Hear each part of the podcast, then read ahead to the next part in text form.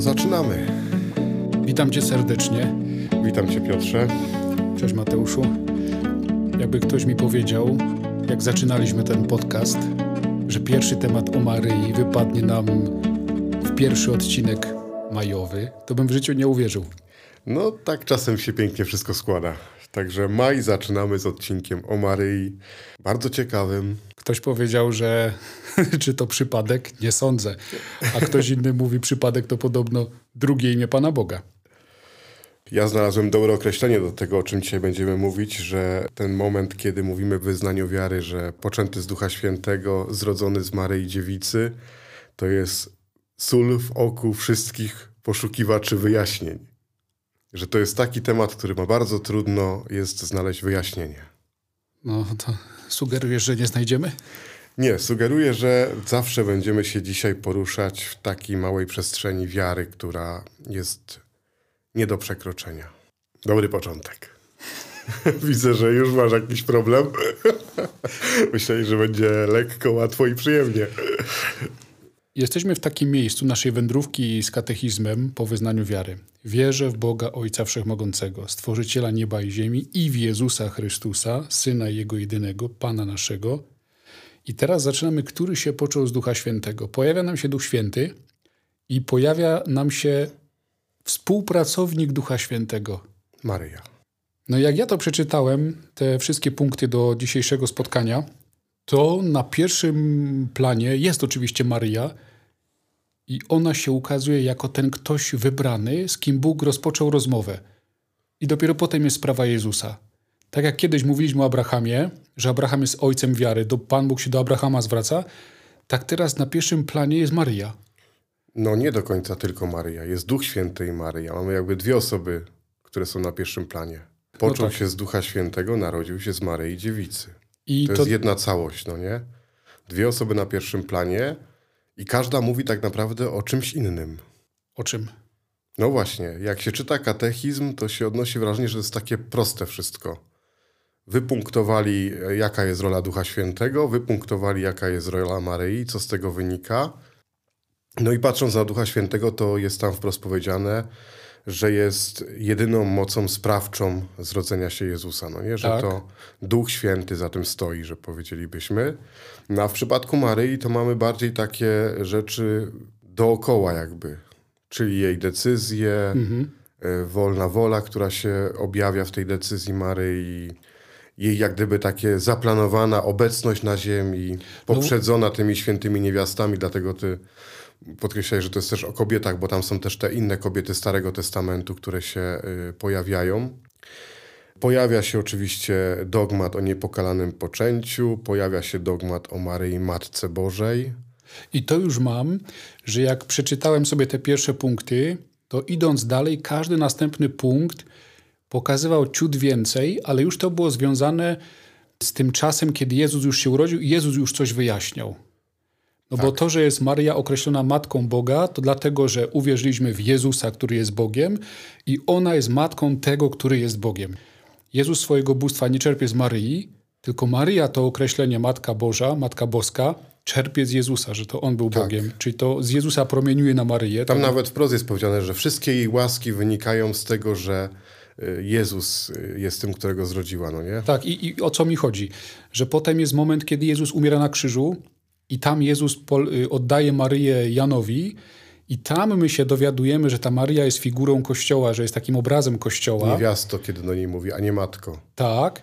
No i, i to też się, to wyjaśnienie tajemnicy Maryi, aby uzupełnienie tajemnicy Maryi, jak to czytam, to się dokonuje tak w czasie. Im, Im bardziej czas mija od zwiastowania, od narodzenia Jezusa, tym więcej się dowiaduje o Maryi. I potem jeszcze kwestia wniebowzięcia. Całe życie Maryi się wyjaśnia dopiero w życiu Jezusa. I w sumie na takiej długiej przestrzeni życia Kościoła, no Tak, nie? tak. Że dochodzi w Kościele dopiero do takiego rozumienia, kim jest faktycznie Maryja w, tym, w tej historii zbawienia człowieka, bo ma swoją rolę. Że to nie jest tak od razu, że przyszedł anioł i już było wszystko wiadomo. To mnie zafascynowało i tym się chciałem podzielić. Potem oczywiście zacytuję mojego ulubionego profesora. Stańka? On w zupełnie ciekawy sposób podszedł do tego tematu, bo mało mówi teologii, a pokazuje praktyczne życie liturgii Kościoła. No to, to, to od razu do tego przejdziemy. Właśnie, może to powiem. I ksiądz profesor mówi, że w tych punktach, które my dzisiaj mamy do przerobienia, on mówi o darach, jakie Maryja otrzymała od Boga, czyli powiedzmy od Jezusa, od Ducha Świętego, od Boga Ojca. No i pierwszy dar to jest to pełna łaski. No. No i tutaj mówimy o tym, że Maryja w jakiś sposób już była wybrana, kiedy się poczęła. I to jest niepokalane poczęcie, dogma o niepokalanym poczęciu. Tak jest. I. I my to świętujemy 8 grudnia, kiedy mówimy, że Maryja to jest święto niepokalanego poczęcia Najświętszej tak. Marii Panny. Czyli została poczęta bez grzechu pierworodnego. Że ona sama. Tak, że ona została tak poczęta. Nie, że ona w taki sposób poczęła Jezusa, żeby to było, bo, bo to, to niektórzy nie rozumieją, no nie? Że Maryja została poczęta bez grzechu pierworodnego, czyli bez tych skutków grzechu pierworodnego. Na niej tego nie widać. Czy musiało być coś w życiu Maryi, że nawet jak została poczęta, już Pan Bóg ją wtedy wybrał przy poczęciu? Tak, no to jest obietnica, która jest dana przy stworzeniu. Że, że będzie, będzie taka... taka... nowa Ewa jakby, no nie? Tak. Która właśnie, że tak powiem, zaplanowana jest przez Pana Boga w historii. I to jest ten pierwszy cud, kiedy Pan Bóg działa w związku z narodzeniem Jezusa. I to jest to pierwsza sól wokół właśnie, bo nie jesteśmy w stanie do końca wyjaśnić, jakim sposobem Maryja właśnie tak została poczęta. Czemu Dlaczego ona? tak została poczęta? Dlaczego ona? To są A czemu rzeczy, nie które są w przemilczane w Piśmie Świętym. No właśnie. I tam nawet pod koniec tych naszych punktów jest pytanie, czemu o tych niektórych rzeczach nie mówi Ewangelia Świętego Marka i listy w tak, Nowym Testamencie. Dokładnie, dokładnie. I tam jest takie podkreślone, że to jest, są wydarzenia, które nawet Bóg przemilczał. No ciekawe to było. To jest bardzo ciekawe stwierdzenie. No to idźmy dalej. Ta Maria jest niepokalanie poczęta. Potem y, ksiądz profesor mówi, że kolejnym darem jest w niebo wzięcie Maryi. To się też pod koniec tam tych wydarzeń ewangelicznych wyjaśnia. No i my to świętujemy 15 sierpnia. Tak. I podoba mi się to, że ksiądz profesor to wiąże z takim życiem liturgii, bo wtedy możemy iść do kościoła, wtedy możemy słuchać tych czytań, które Kościół proponuje. Też nam to wyjaśnia troszkę tą tajemnicę. Y, ważne to papież Benedykt XVI mówi, żeby czyta, słuchać tekstów mszału. Zawsze na początku jest to módlmy się i ksiądz mówi to Kolekta modlitwę. się to nazywa tak, kolektę i ona już tam coś odsłania z tajemnicy danego dnia. Potem ważna jest prefacja, to jest to zaprawdę godne, to jest sprawiedliwe, słuszne i zbawienne, abyśmy i tak dalej. I też wyjaśnia tajemnicę bardzo często. Bo tych prefacji jest chyba około 90 w naszym szale. To, to jest ogromne bogactwo i każda z nich ma jakąś prawdę. No i finalizując wreszcie jest ten dar, że ona jest rodzicielką Boga, że jest matką Boga. Teotokos. I ciekawe, my to świętujemy dwa razy. 25 marca zwiastowanie pańskie, czyli wtedy, kiedy świętujemy, jak anioł przychodzi i mówi Marii, że stanie się matką Syna Bożego. A drugi raz, kiedy świętujemy Bożą Rodzicielkę? 1 stycznia. stycznia tak. Także to też było dla mnie odkrywcze, że dwa razy to świętujemy w ciągu roku. Trzy dary. Trzy dary, trzy dary. No bardzo piękne to jest.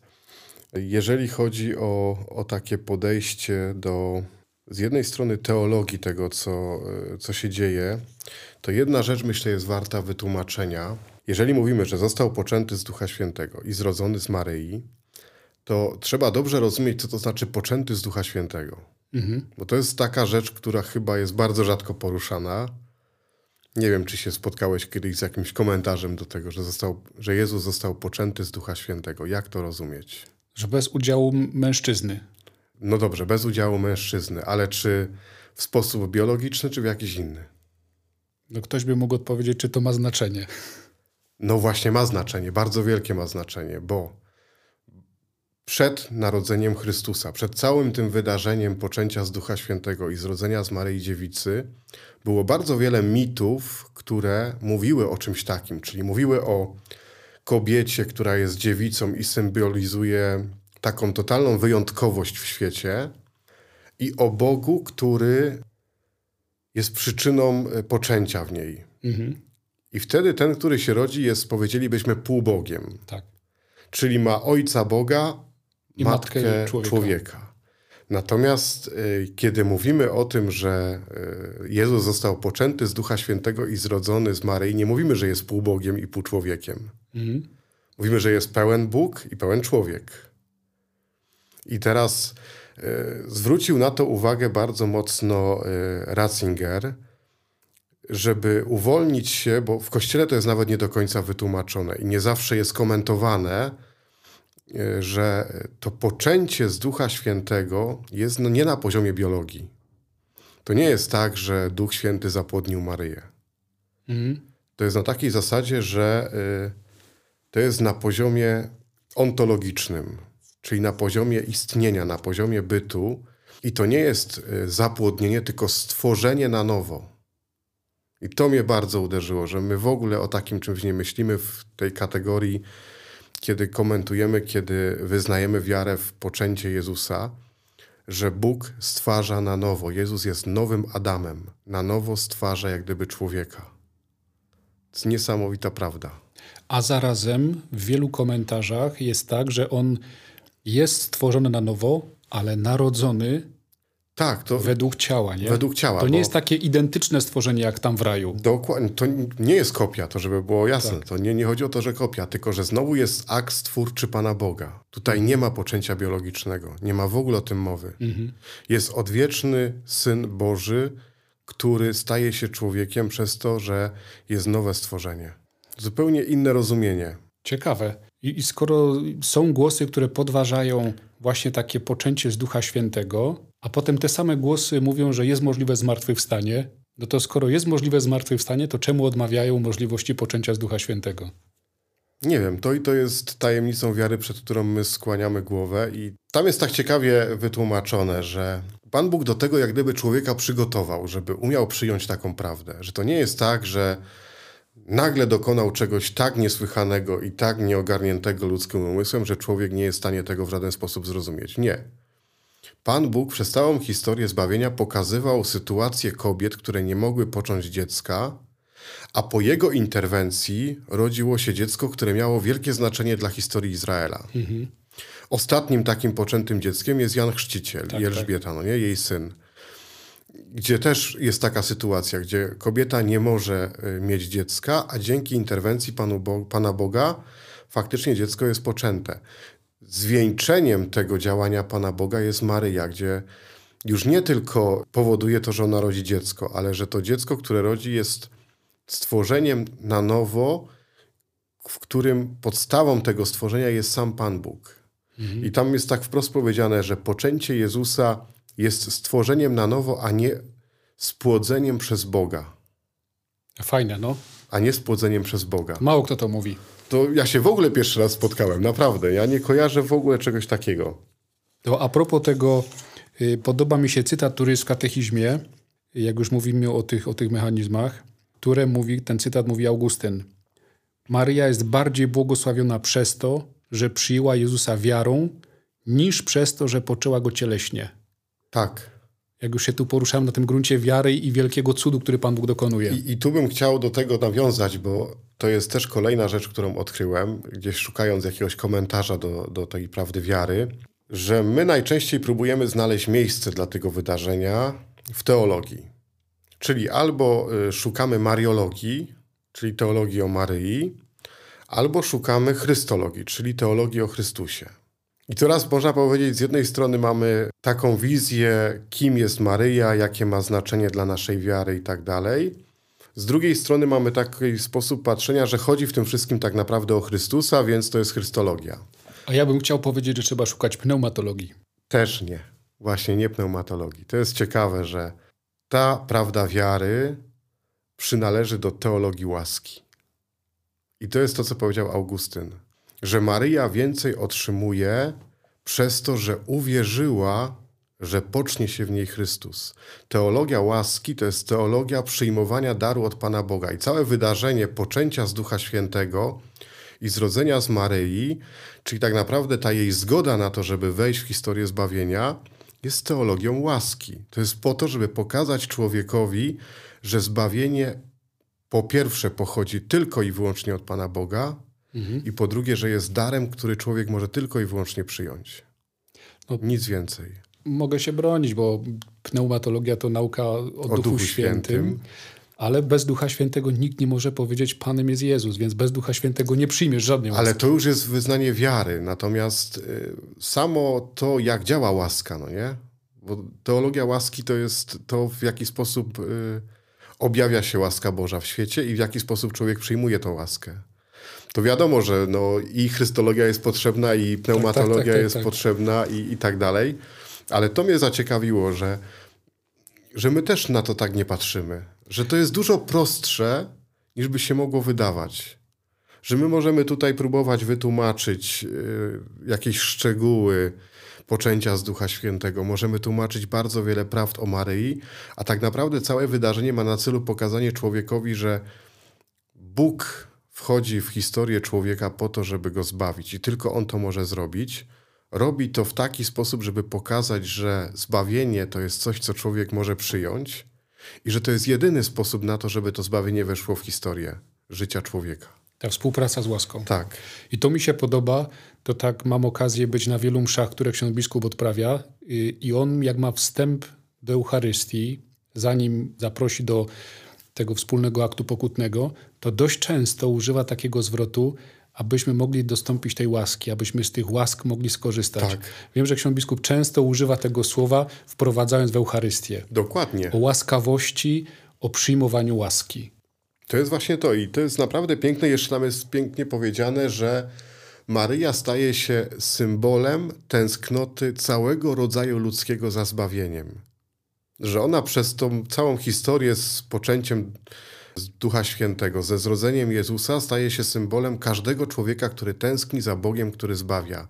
I to jest jak gdyby połączenie y, stworzenia z takim całkowitym odkupieniem i zbawieniem. No i nie na darmo wspominaliśmy, że Maria jest figurą Kościoła, nie? Jakimś takim symbolem Dokładnie, Kościoła. bo Kościół jest tym, który daje łaskę. I teraz chcę przypomnieć, jak mówiliśmy o tym budowaniu gmachu wiary. Pamiętasz? Na pierwszym tak. poziomie, że jest Bóg, na drugim poziomie, że Bóg mówi i to jest wartościowe, autentyczne, prawdziwe. Na trzecim poziomie Jezus Chrystus, wierzę w Jezusa Chrystusa i tam są te schody do nieba. I mówiłem, że jest czwarty poziom. Tak, no. I ten czwarty poziom... Uwaga, zdradzamy tajemnicę. To jest Kościół. To jest Kościół. Wierzę w Kościół. Tak. I pod to nas świetnie podprowadza Maria, która w dokumentach Kościoła jest określana jako ta, która nam w wierze przewodzi. Myśmy mówili tydzień temu, że naśladujemy Jezusa, ale pierwszym stworzeniem stuprocentowym, które Jezusa naśladowało, jest Maria. Tak, nawet tam katechizm bardzo ładnie mówi, to mi się też spodobało, że ona jest figurą Kościoła, dlatego że jest i dziewicą, i matką jednocześnie. To jest ciekawe, no nie? Że właśnie te dwie rzeczywistości jak gdyby pokazują to bycie Kościołem. A powiedz mi, bo tak sobie pisałem, czy Maria mogła powiedzieć aniołowi, wiesz co, zastanowię się, wpadnij jutro? Pewnie tak skoro mówimy, że to była jej wolna decyzja. No a skoro już dużo wcześniej została tak poczęta w taki sposób, że się jej grzech nie imał. No, to, że się jej grzech nie imał i to, że tak została poczęta, a nie inaczej, że, że tak powiem, od początku y, była do tego przeznaczona, no to nie może oznaczać, że nie miała wolności w decyzji. Bo wtedy by oznaczało, że została tak naprawdę zmuszona przez Pana mm. Boga do tego. Ona mogła powiedzieć nie. Mogła Bo powiedzieć... jest co innego popełnienie grzechu, a jest co innego odmówienie Panu Bogu współpracy. Ja bym tego nie rozpatrywał w kategoriach grzechu. Nie, nie, nie. nie. No nie? Ona po prostu przez to, że była poczęta bez grzechu pierworodnego, tak najprościej chyba ujmując, miała łatwiejszą relację z Panem Bogiem. Jej było po prostu łatwiej z Nim współpracować. To jest to, co my mamy po spowiedzi. Tak, to co ty kiedyś mówiłeś, że w łasce jest nam po prostu łatwiej potem z Panem Bogiem y, trwać w dobrym. Jak się ta łaska traci, to nam się automatycznie też traci taka łatwość y, i jest coraz trudniej, coraz trudniej. No Na wiele tych takich zaproszeń Ducha Świętego do różnych dobrych dzieł czy do różnych dobrych postaw jest nam łatwiej odpowiadać po spowiedzi. Dokładnie.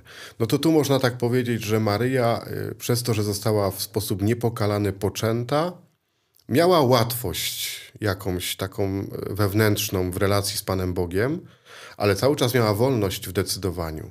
Zresztą ona postawiła pytanie, jak to się stanie. Zaczęła, tak. Tak, ona miała wątpliwość. To nie jest tak, że y, dla niej to było jasne. Mało tego, ona wielu rzeczy nie rozumiała z tego, co się dzieje. To jest też niesamowity przykład takiego zawierzenia Panu Bogu, gdzie ja nie muszę wszystkiego rozumieć. Zapis jest pewnie krótki, myślę, że doświadczenie trwało dłużej, ale myślę też, że to jest coś, co mm, w niej żyło jako osoby, która, tak jak w tamtym czasie chyba każdy Żyd, który był pobożny, który żył Starym Testamentem, żył pismami, y, żył proroctwami o Mesjaszu, był nastawiony trochę na takie coś, że Pan Bóg faktycznie zaingeruje i wyzwoli Izrael i tak dalej, więc ona jakoś była predysponowana też do tego, żeby przyjąć jakieś działanie Pana Boga, które będzie miało na celu uratowanie człowieka.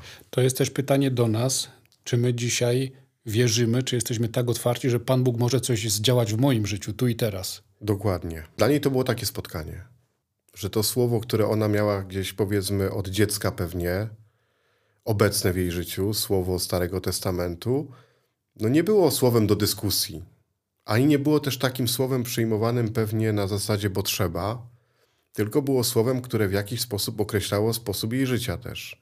Więc z jednej strony predyspozycja, którą dostała poprzez niepokalane poczęcia, z drugiej strony całe życie, które ją otwierało na to działanie Pana Boga. Ja bym tak jeszcze na koniec, bo, bo mamy tu już tak naprawdę wytłumaczone, myślę, to o co chodzi z tym i poczęciem z Ducha Świętego i zrodzeniem z Maryi, ponieważ to się wpisuje w tą naszą wcześniejszą też, nasze wcześniejsze spotkanie, i, I, tak naprawdę jest próbą odpowiedzi na pytanie y, o Jezusa Chrystusa, mimo wszystko. Zawsze to się do tego sprowadza.